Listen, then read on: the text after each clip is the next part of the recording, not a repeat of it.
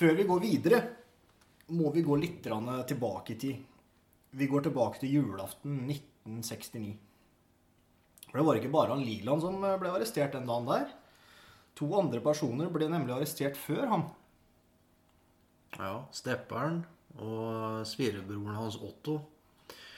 De hadde vært på fest hele natta, og nå var de på vei oppover Glemmegata med kasse øl. Og i motsetning til Liland så ble disse to avhørt og sjekka ut av saken sent på kvelden julaften. Alibiet var ifølge politiet helt i orden. Helt i orden. Helt i orden. Og Stepperen var jo ikke ukjent for Sverre og Nancy. De hadde jo blitt eh, dessverre offer for hans asosiale atferd. Og dette her skjedde jo da i 1965. Eh, Nancy hadde jo på den tida en egen leilighet i Farmans gate 6. Da hadde Stepperen og noen andre brutt seg inn i leiligheten mens Sverre og Nancy var bortreist. De hadde revet ned døra, slått ut ruter, romstert i leiligheten og spist opp alt som var der. Hele leiligheten var full av klin. Full av klin. Ja. De hadde jo politianmeldt hendelsen, og en uh, politibetjent ved navn Ivar Skauen fikk saken. Og Skauen fant jo fort ut hvem uh, det var. Og Stepperen ble jo avslørt gjennom sine fingeravtrykk. For det er jo som Sverre sier, han Skauen han kjenner jo til det klientellet så godt at det var ikke vanskelig å finne ut hvem det var.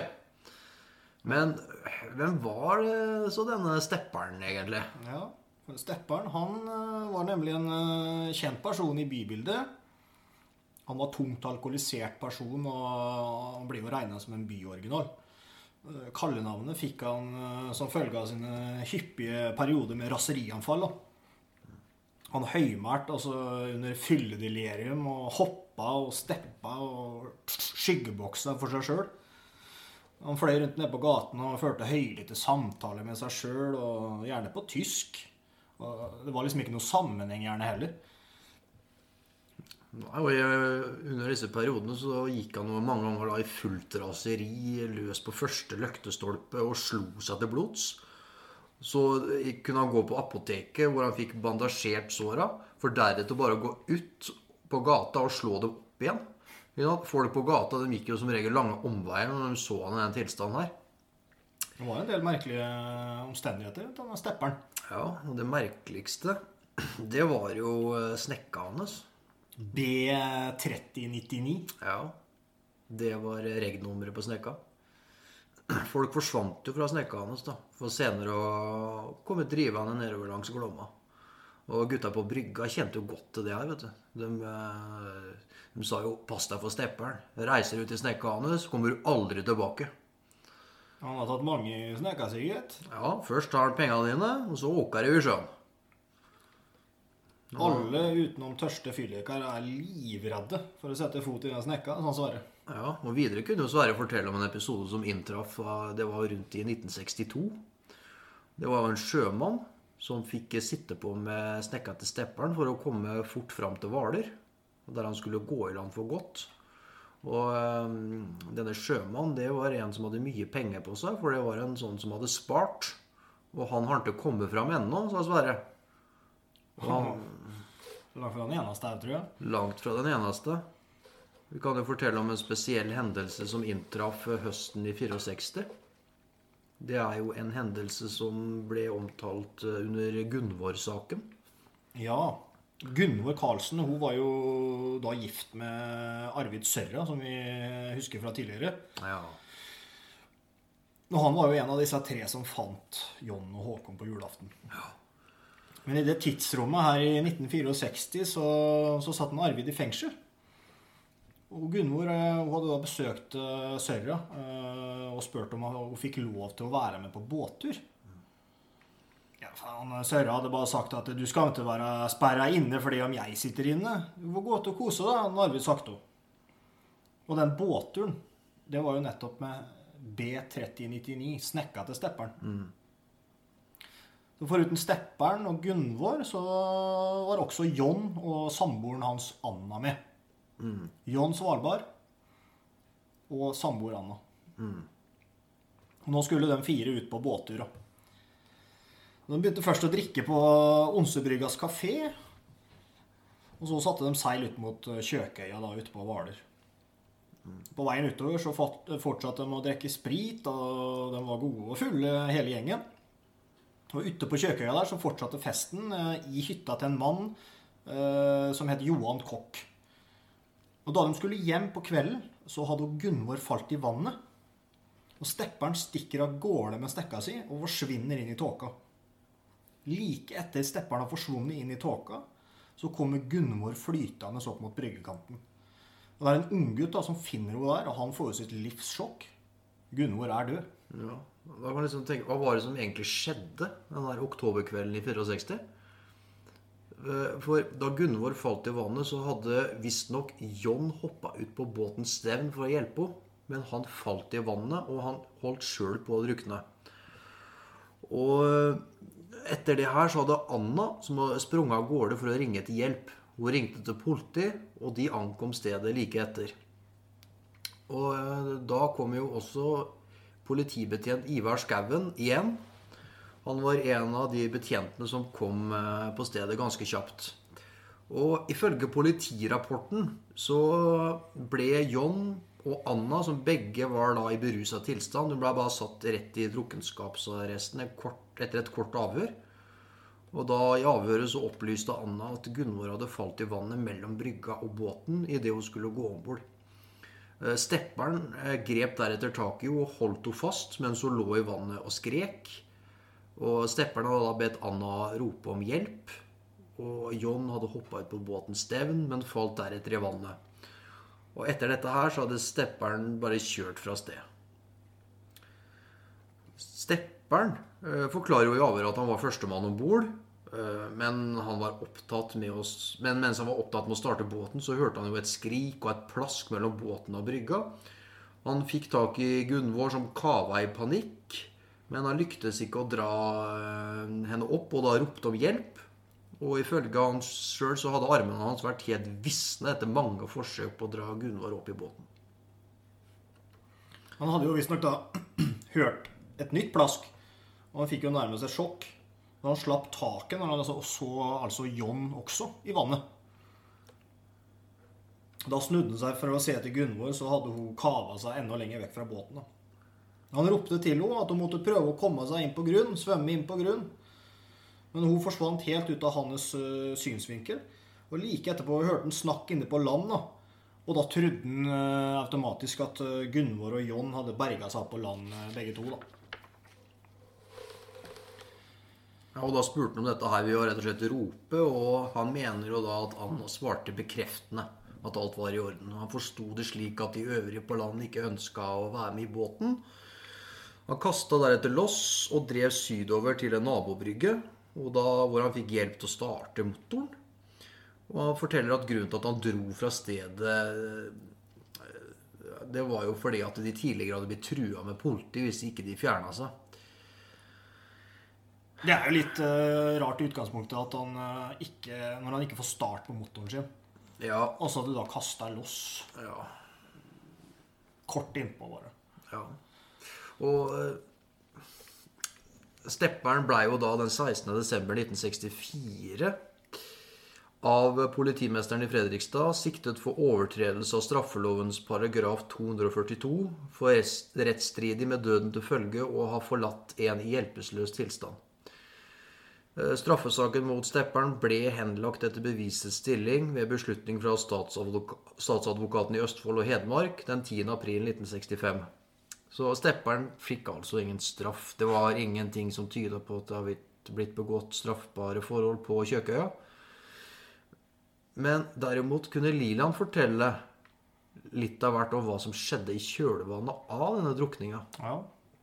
Da er det jo sånn at Liland og Stepperen de eh, kjente hverandre nemlig veldig godt. For de begge tilhørte jo det samme alkoholikermiljøet i Fredrikstad. Ja, ja. Og i tillegg så jobba begge to ved samme avdeling på Moss verft og dokk. Og da under William Olsen som en arbeidsleder.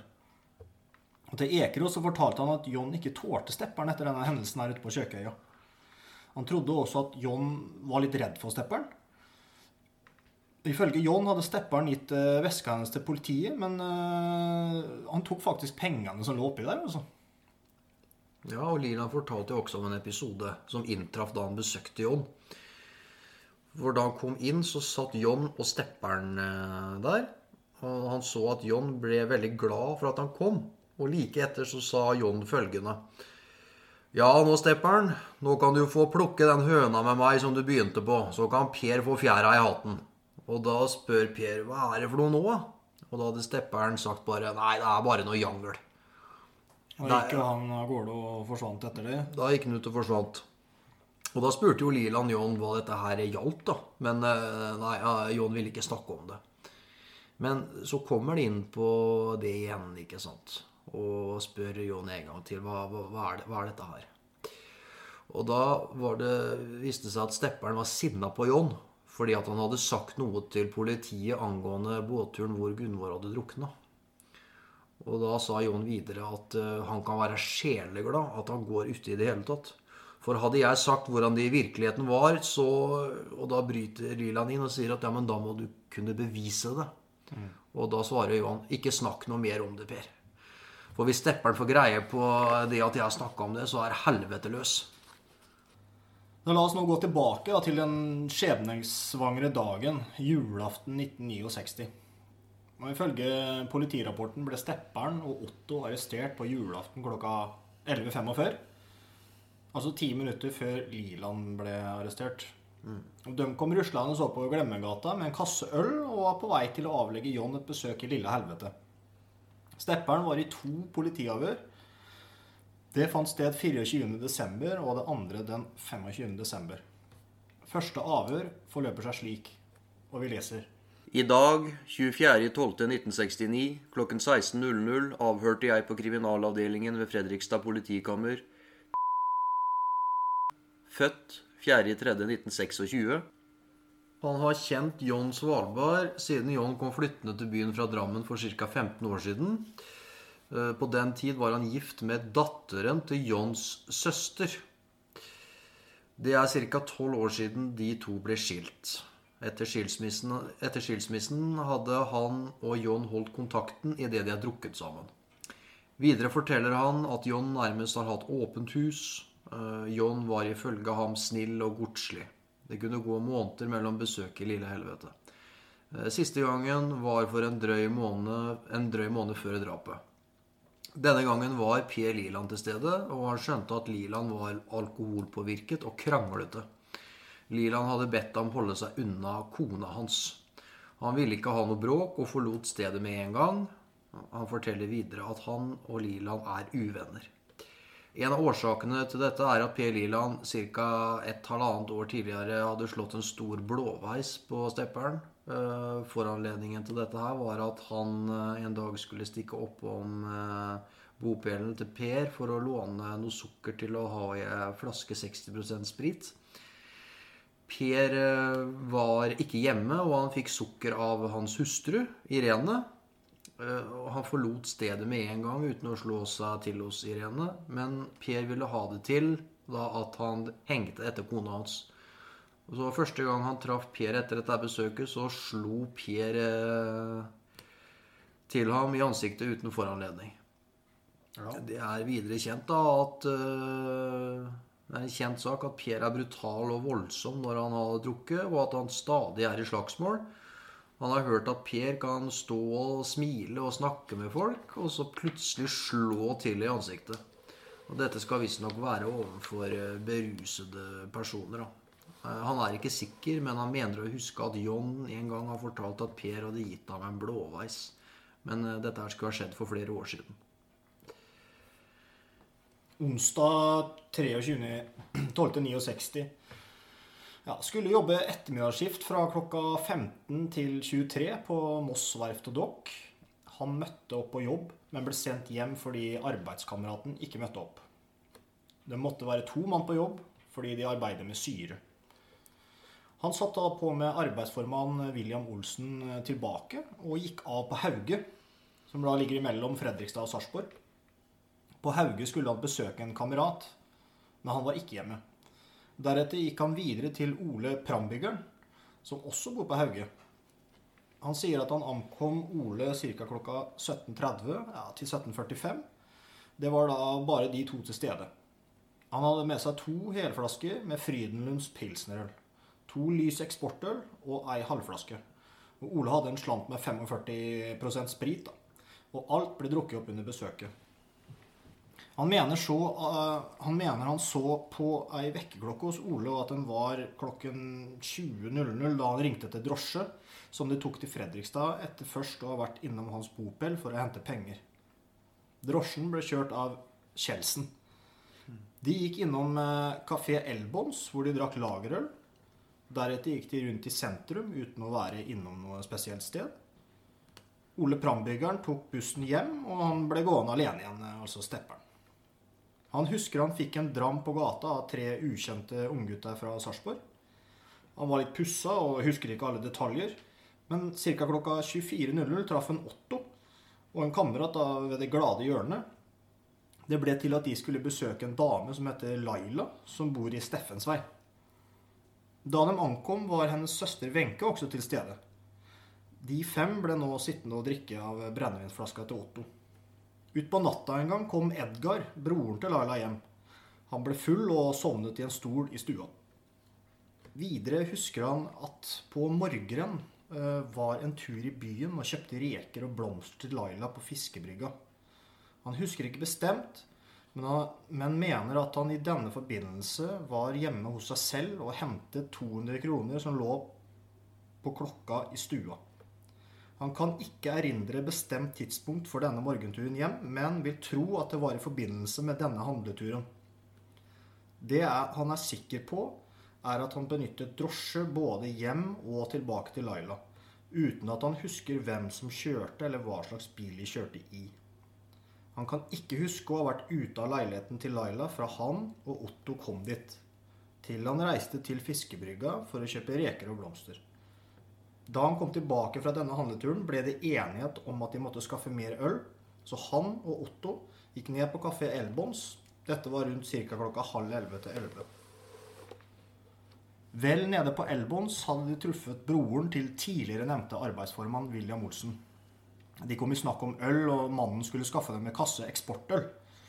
De hadde da tatt drosje og kjørt ut til en forretning ved Fredrikstad stadion og hentet ølkassen. Deretter kjørte de alle tre opp til Laila, men hun ville da ikke ha dem inn. Han foreslo da at de skulle gå ned til John og sitte der og drikke. Etter bare å ha gått et lite stykke i Glemmegaten fikk han da se politibilen og politibetjent Korum i nærheten av Lille Helvete. Korum fortalte da at John var funnet død, og spurte om de to ville være med på stasjonen for å avgi forklaring. Noe de begge sa seg villig til. Mannen som skaffet dem ølet, forsvant uten at han vet hvor det ble av ham. Og Det siste han så til kameraten av Otto, var at han oppholdt seg hos Laila, mens han og Otto reiste til byen for å skaffe øl.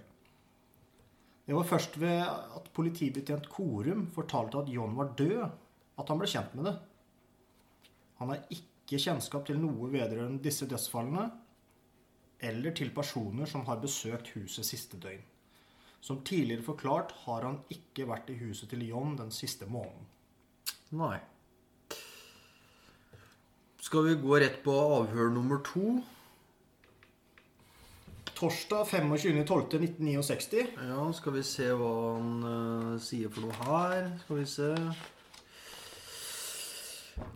Han husker nå at mens han og Ole Prambygger gikk og ruslet i sentrum etter besøket på Kafé Elbons, så traff de på to karer fra Sarpsborg som kjørte i en bil. Uh, disse karene sto parkert på torget ved pølsebua. Karene er helt ukjent for ham, men han har sett en av karene tidligere uten at han kan si noe om når eller under hvilke omstendigheter. Han kan ikke erindre noe signalement utover det at de var omkring 30 år og er fra Sarpsborg. Han kan heller ikke gi noe ytterligere signalement av bilen utover det at det var en personbil. Vedkommende som ikke kjørte bilen, hadde en del øl og husker at han fikk øl av ham. De kjørte fra Fredrikstad med retning Sarpsborg omkring klokken 21.00. Han satt på med disse til Sarpsborg mens Ole ble sluppet av hjemme hos seg selv. I Sarpsborg skilte han lag med de to ukjente og husker at han snakket med dørvakta på Forum restaurant. Mens han sto, mens han sto der, kom fetteren hans, som også bor i Fredrikstad. Han spilte til dans på Forum, og de ble enige om at han skulle sitte på med ham tilbake til Fredrikstad når dansen var slutt på Forum. Han gikk nå litt rundt i sentrum og ventet mens fetteren spilte, fordi han slapp ikke inn pga. at han var ikke slik kledd, slikt kledd. Han og fetteren kjørte fra Sarpsborg omkring midnatt, og han ble sluppet av ved Den røde mølle. Eh, mener nå å huske at han som tidligere forklart gikk ned i byen, hvor han traff Otto og kameraten hans. Han husker imidlertid at Laila utpå morgenen kom med ei flaske konjakk som han betalte 22-23 kroner for. Eh, når det gjelder turen hjem for å hente penger på morgenen på julaften, så mener han at det var en drosjesjåfør som het Leo, som kjørte den. Han vil anslå at uh, denne turen foregikk uh, omkring klokken 08.30. Eh, de klærne han hadde på seg da han ble tatt av politiet, har han hatt på seg siden han reiste på arbeid lille julaften ved 14-tiden. I det tidsrommet har han ikke skiftet noen klær. Grunnen til at han ikke husker disse detaljene han nå har kommet med ved avhøret i går, er at han var noe i bakrus. Dessuten har han etter han sist ble avhørt, forsøkt å huske tilbake nærmere om hva han har foretatt seg. Opplest. Opplest, opplest og vedtatt. Vedtatt. Ja. Stepperen slipper altså på kvelden første juledag. ja. Da slipper han ut. Da var han ferdig avhørt. Ole Prambygger. Ifølge Stepperen hadde han eh, besøkt Ole på lille julaften. sant? Dette er noe Ole nektet helt bestemt for. Ja. Han hadde heller ikke vært med ham på byen denne kvelden, slik Stepperen forklarer. Ole hadde heller aldri blitt avhørt av politi. Allikevel så var altså Stepperen sluppet ut. Hva hadde egentlig Stepperen gjort i det tidsrommet? ja. Vi kan jo gå gjennom Stepperens bevegelser. eh, 23. og 24. desember i 69. Da går vi gjennom disse opplysningene som da deriblant har kommet frem under avhør, og som er gjort av personer som er helt eh, uavhengige av hverandre. Begynner vi da lille julaften. Eh, Det stemmer det at han ble sendt hjem fra jobb eh, på lille julaften. For det kunne William Olsen vitne om. William Olsen, ja. Ja. Han var jo eh, William Olsen var Per Lilands og Stepperens arbeidsformann på Moss verft og dokk. Han bodde da vis-à-vis Lilands gamle leilighet, altså i brakka på Lisleby. Han kjente godt til John Larsen fordi Per bodde da i Lille Helvete. Og siden han var Pers eh, arbeidsformann, så hadde han kontakt med ham og hadde lønningene hans. Og Liland satt jo også på med ham hver dag til jobb. Og lille julaften 1969 kom Stepperen på jobb klokka 15.00. Eh, Hans samarbeidspartner eh, Thor Blackie kom ikke på jobb grunnet sykdom. William mente jo på at hans fravær det skyldtes at han var eh, fuktig. Han òg. Han òg. Så Stepperen måtte da sitte på med William hjem igjen, fordi man hadde jo ikke lov til å gå alene på et skift fordi man jobba med syre. Ja. Så det var strengt. Eh, Da kjørte de av gårde ca. klokken 16.00 fra Moss. Og William kjørte ham ikke hjem, men han satte stepperen av ved kiosken på Hauge. Fordi han skulle besøke en kamerat på Hauge, sa han. Og William mener å huske at stepperen nevnte at det var en ved navn Fiskeren eller noe lignende. Så da lille julaften mellom klokken 18.30 og 19.00 så holdt William da på å kjøre på John Larsen ved Det glade hjørnet. Det har vi jo nevnt tidligere. Og det var etter et besøk på Domus. Og tidspunktet vet han med sikkerhet, fordi forretningene hadde jo ikke stengt ennå. Og dette kunne også kona hans Ruth bekrefte, som var passasjer.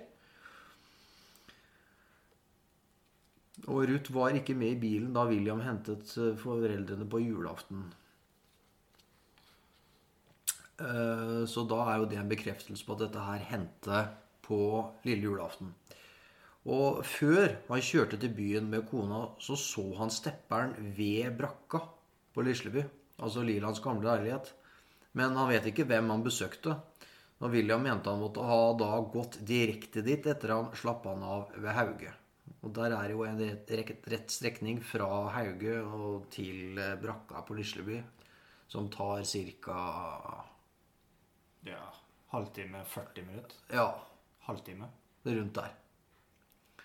I eh, det du kan kalle en eh, målrettet gange. Ja. Vanlig gangfart.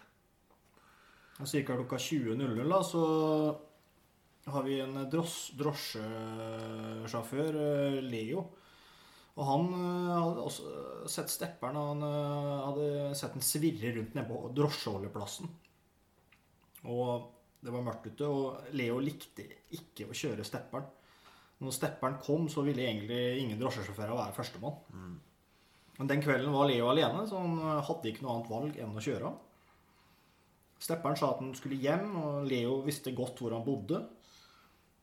Ved bopel sa stepperen til Leo at han måtte vente litt, fordi han skulle ta drosje tilbake til byen igjen.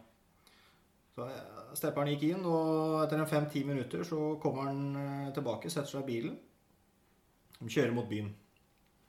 På veien tilbake mot byen så sier stepperen ja, Du skjønner at eh, jeg skulle vært oppe hos guttene. Guttene? sier Leo. Ja, jeg lovte å komme tilbake, sa Videre sier stepperen at han eh, skulle opp til en plass her oppe et eller annet sted. Og det var da oppover Glemmengata et sted. Leo sa til stepperen at han eh, det burde, du burde holde det du har lova, og gå opp til guttene. Og stepperen hadde replisert at eh, han skulle bare kjøre meg ned til holdeplassen der jeg tok tak i det, så, så skal jeg se hva jeg skal gjøre sjøl. Leo gjorde som han uh, sa, og etter dette forsvant uh, stepperen. Og hvilke gutter det er snakk om, også guttene, det vet ikke Leo helt hvem er. Og stepperen hadde ikke noe bagasje, verken frem eller tilbake. Nei. Og stepperen han bodde jo sammen med mora si i et lite hus på Lahelle. Og av disse grunner da, så ble jo også hun avhørt av politiet. Og mora forklarte seg følgende i politiavhøret. Da leser vi Tirsdag lille julaften reiste sønnen hennes klokka 13.45 til sitt arbeid i Moss. Hun så da ikke noe mer til ham før han samme dag klokken 20.00 kom hjem. Hennes datter var da også hjemme. Han var kun inne ca. to minutter før han forsvant ut. Han sa han skulle ut et ærend og ble borte ca. en halv time. Han var kun inne i stua, men hun vet ikke hva han gjorde. Hun vil anta at han hentet penger. Hun vil si at han virket edru. Han var iført gråaktig skjorte, småmønstret genser av islendertype, grå langbukser og gråaktig frakk, intet hodeplagg. Hun vet ikke hva han hadde på beina. Sett ut ifra de klær som nå er i huset, har ikke hennes sønn hatt annet enn det tidligere nevnte arbeidstøy på seg de siste to til tre dager. Søstera, altså til stepperen, var jo også til stede under avhøret av mora her. Mm. Jeg skal ta det en gang til. Søstera til stepperen var også til stede under avhøret av moren. Og hun avga sin forklaring etter at mora var ferdig. Ja. Var ikke noe bekrefta, det som mora hadde sagt, egentlig. Eh, han var hjemme om en snartere lille julaften, ca. klokka 20.00, og henta noe.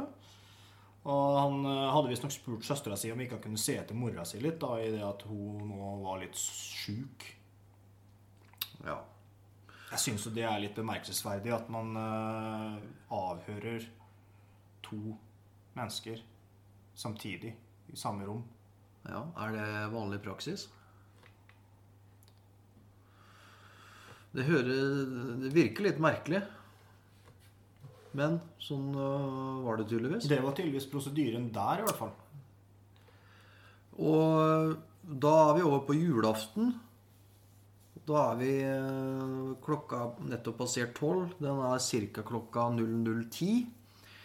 Og øh, stepperens fetter bekrefter i avhør at han plukket opp stepperen på torget i Sarpsborg etter at han var ferdig for kvelden. Han spilte i orkester. Eh, Stepperen var alene, og klokka var ca. 00.10 da de kjørte fra Sarpsborg. Stepperen ba om å bli sluppet av ved Den røde mølle idet han ville få tak i ei flaske brennevin idet han var så tørst. Klokka var 00.45 da stepperen ble sluppet av ved mølla. Stepperen var noe beruset uten å være full. Han hadde ikke sagt noe om hvor han hadde tenkt seg hen. Da ca. klokka 00.45 eh, Da går stepperen eh, opp til Steffens Steffensvei, eh, hvor han besøker eh, Wenche, Laila og Edgar, som bor sammen. Og Wenche bekrefter i avhør at stepperen eh, kom på besøk. Hun var da alene i leiligheten til Laila sammen med sitt lille barn og ungen til søsteren. Laila hadde ved sånn 1920-tida reist til Halden. Edgar hadde nattskift ved Greåker cellulosefabrikk. Hun hadde lagt ungene og sjøl sovna litt da stepperen banka på døra. Hun vet ikke etternavnet hans, men han pleier å vanke en del i leiligheten. Hun hadde ikke klokke, men hun husker at hun spurte om ikke stepperen ville gå og kjøpe sigaretter. Han svarte da at det var stengt idet klokka var sånn tolv-halv ett-tida, men han kunne godt gå ned på automaten i sentrum eller til City Hotel og prøve å fikse noen sigaretter til henne der. Stepperen var alene og ble sittende eh, hos henne ca. 20-25 minutter. Han var eh, alkohol, alkoholpåvirka, men eh, ikke slik at han sjangla. Ca. klokka 01.00 Nattportier Moxnes arbeidet ved Hotell City. Stepperen hadde ved 01-tiden forlangt øl i resepsjonen. Dette fikk han ikke, men han eh, fikk kjøpt en pakke sigaretter samt eh, en sodavann. Ja, så følger vi opp med klokken 01.15 og eh, 01.30. Et sted mellom der så eh, møter Trygve Huth en mann i sentrum. Og Trygve Huth, eh, etter å ha lest førsteomtalen og vitneetterlysningen i Fredrikstad Blad, så besøkte han Jarmann på Fredrikstad politikammer den 27.12.69 klokka 20.15. Og da fortalte han at han og tre kamerater de reiste fra Sarpsborg til Fredrikstad, der de hadde feira julaften. Eh, De ankom Fredrikstad da mellom klokka 01.15 og 01.30 natt til julaften i 1969. Og de gikk ut av bilen utenfor Hotell City. Og etter de var gått ut av bilen, så skulle kompisen låne noe penger av eh, Trygve for å betale drosje hjem. Han skulle veksle en 50-lapp og fikk veksla med noen personer som sto utafor. Og mens han holder på med dette her, så kommer det da en ukjent berusa mann og tok kontakt med Trygve utafor Hotell City. Og mannen sa til Trygve at han ikke burde bry disse menneskene med veksling. Han kunne bare gå inn i resepsjonen på hotellet og så veksle der. Og da han gikk tilbake til kameratene sine igjen, så kom denne mannen etter dem. Og de hadde jo da kjøpt en kasse øl, og da hadde de elleve stykker igjen. Og Trygve og kameratene hans de gikk fra City og da ned til drosjeholdeplassen for å ta en drosje hjem. Og den ukjente mannen den fulgte med. Og han fikk, denne mannen fikk også en slurk av en flaske som allerede var åpna. Trygve spør da denne mannen hva han heter for noe, og da svarte mannen at han het John. John. John, ja. Og ved drosjeholdeplassen så spurte John da om de ville bli med hjem til han og feste. Og videre så fortalte denne John at de kunne bli med hjem til han for å få tak i jenter. Og at han ikke hadde hatt jenter i hele sitt liv, og at han var en surrekopp eller noe i den duren der. Og da spurte de John da hvor han bodde, og da svarte han at «Øh, jeg bor oppe i Glemmengata her, hadde han svart. Ja, og, ja, og etter å ha tenkt over tilbudet til eh, denne John, da, så bestemte de seg likevel for å dra hjem. Og da fikk eh, han der John en hel uåpna flaske pilsnerøl fra Halden og Sarpsborg Bryggeri. Før eh, han tok en drosje eh, alene hjem, altså. Trygve. Og ifølge Trygve så var altså denne John Han var i 50-åra. Eh, Rundt 1,80 høy. Middels eller kraftig bygget. Skrukket eller furet i ansiktet. Grålig hår. eh, Husker ikke om han hadde noe på hodet. Men han var iført eh, mørk, gråaktig frakk, nærmest kappe. Han la ikke merke til klær for øvrig. Snakka Fredrikstad-dialekt, og Trygve tror at han vil kunne kjenne igjen etter et fotografi. Ja. Han, eh, Trygve han eh, går jo for å finne seg drosje. Og eh, da er det drosjesjåfør Bjarne Eriksen, for øvrig fra Husløs ute i Onsøy. Han sto da på drosjetråkka klokka 01.15-01.30-tiden. Um, han fikk i oppdrag da, å kjøre Trygve til Nabbetorpveien. Idet Trygve skulle ta drosje, hang stepperen etter han hadde hadde sett. Eh, altså etter han og guttene. Sannsynligvis for å få tak i en dram. Så han Bjarne han eh, advarte samtlige om å holde seg klar stepperen. Han er sikker på at den omtalte surrekopp var stepperen, og ikke noen ved navn John. Han syntes å huske at Trygve prata i drosja oppover om at denne John hadde nevnt noe om å bli med seg opp i Glemmengata et sted. Akkurat. Så drosjesjåfør Bjarne Eriksen han uh, forteller de at denne surrekoppen John, som Trygve og kameratene hadde truffet For Trygve og kameratene visste jo ikke hvem denne karen var. Nei, de visste jo ikke hvem han var. Er stepperen. Brått. Så stepperen har så gått rundt da nede i eh, sentrum og presentert seg som John fra Glemmengata. Han da. Det er litt spesielt. Ja. Men hvis vi går videre, så er det jo da litt over eh, klokka 01.00. Så møter Otto og en eh, kamerat eh, De møter stepperen ved det glade hjørnet. Et sted mellom 01.00 og 01.15 møter de da stepperen, som står da og skjeller ut en telegrafstolpe. Og Det viser seg da at uh, stepperen hadde fått penger av Wenche til å kjøpe sigaretter for, som vi husker. Og, men så hadde han jo da røka opp halve pakka, så turte han ikke å gå tilbake igjen. Nei. Og denne her frustrasjonen gikk utover telegrafstolpen. Og da hadde Otto foreslått at de skulle gå opp til Laila, noe stepperen også var enig i.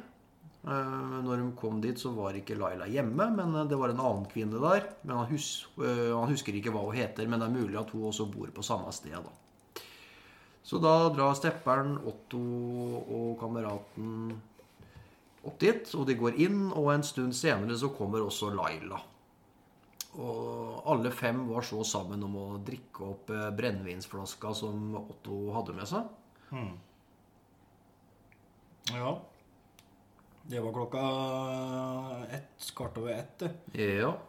Så det blir jo litt bekrefta det her med at uh, drosjesjåfør Eriksen antageligvis har sett stepperen. nå.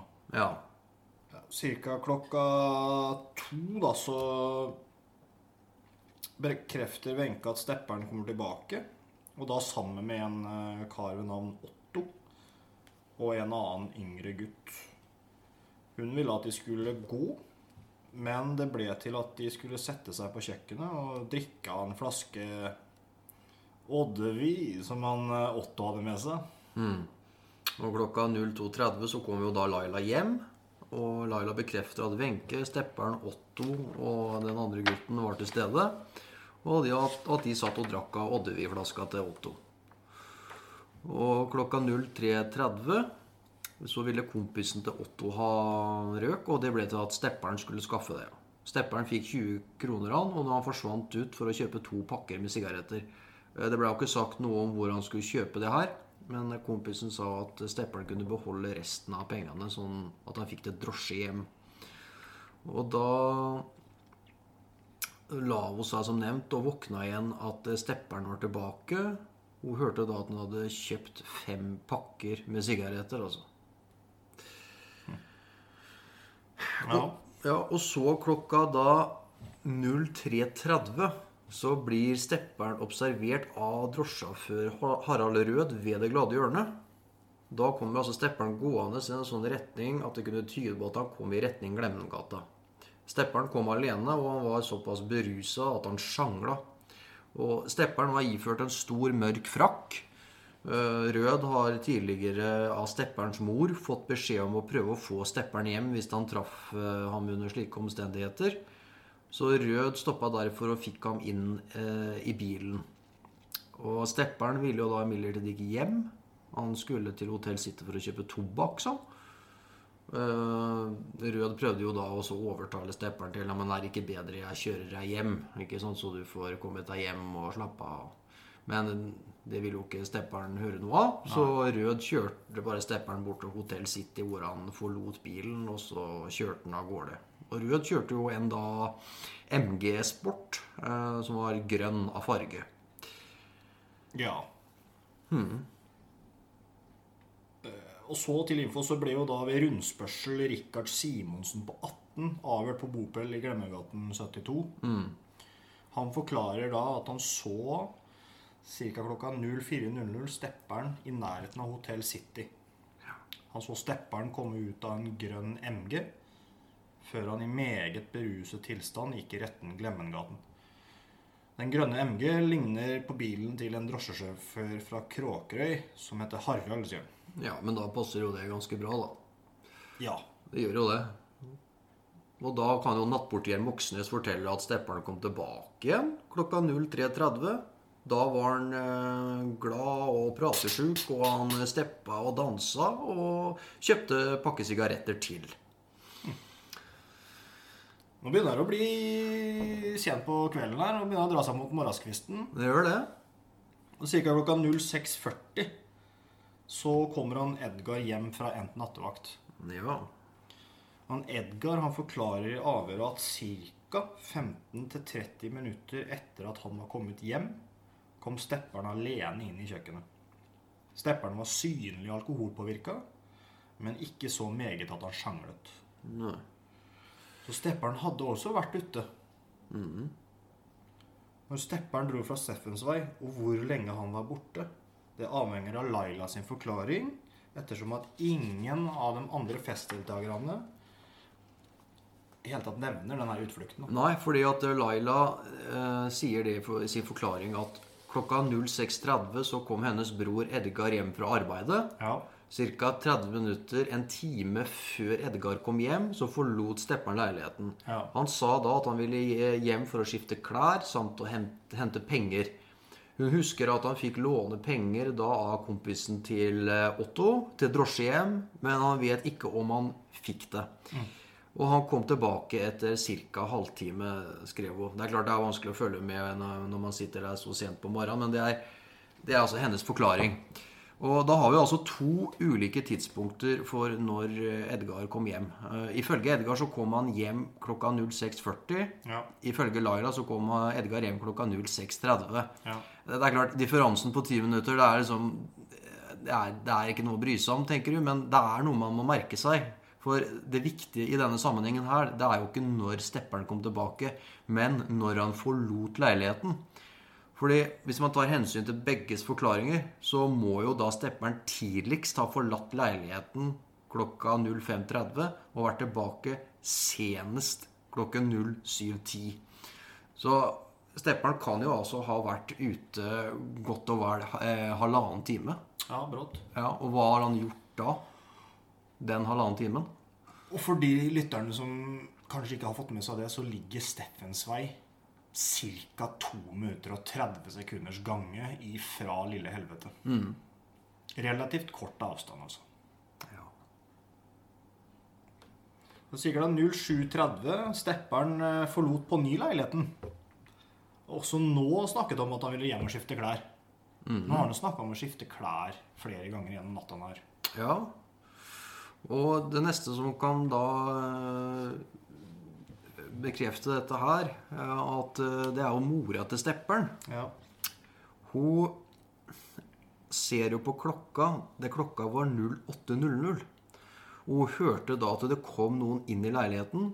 Hun så ikke hvem det var, men er ikke i tvil om at det var hennes sønn. For vedkommende var bare en snartur inne i stua, og så forsvant, hun, forsvant den ut igjen. Hun hørte at ytterdøra smekket igjen etter den. Og likeledes hørte hun straks etter et smell et stykke unna, som hun tror oppsto ved at en bildør ble lukka. Men hun sto ikke opp av senga og så etter ham denne morgenen der. Og da klokka halv ni på morgenen Laila bekrefter at stepperen kom tilbake. Da hadde han med seg en eh, pose med reker og blomster til henne. Han sa intet om hvor han hadde vært. Laila tør ikke å si om stepperen ved noen av sine turer hadde skiftet klær. Nei. Så da stemmer altså det stepperen sa, at han var nede og kjøpte reker og blomster til Laila. Det stemmer jo, da. Og klokka 09.15 så forlater stepperen og Otto leiligheten i den hensikt å få tak i eh, øl. Og de kommer tilbake sammen med en eh, ukjent gutt og har med seg kasse øl. Og Laila ville ikke slippe dem inn, så de forlot henne uten at de sa hvor de skulle. Og da er vi omsider kommet til kvart på tolv. 11.45. Stepperen og Otto blir eh, arrestert utafor Lille Helvete. Ja. Som nevnt tidligere bodde Stepperen sammen med sin mor i et lite hus på Lahelle. Det var imidlertid ikke bare de to som bodde der. Nei. De hadde nemlig en mann som leieboer i andre etasje på huset. Ja, og om man ikke tidligere har opplevd denne historien der som bisarr og underlig, så ligger muligheten framfor dere i neste episode. Fordi hans opplevelser, det overgår alt hva uhygge og grusomhet angår.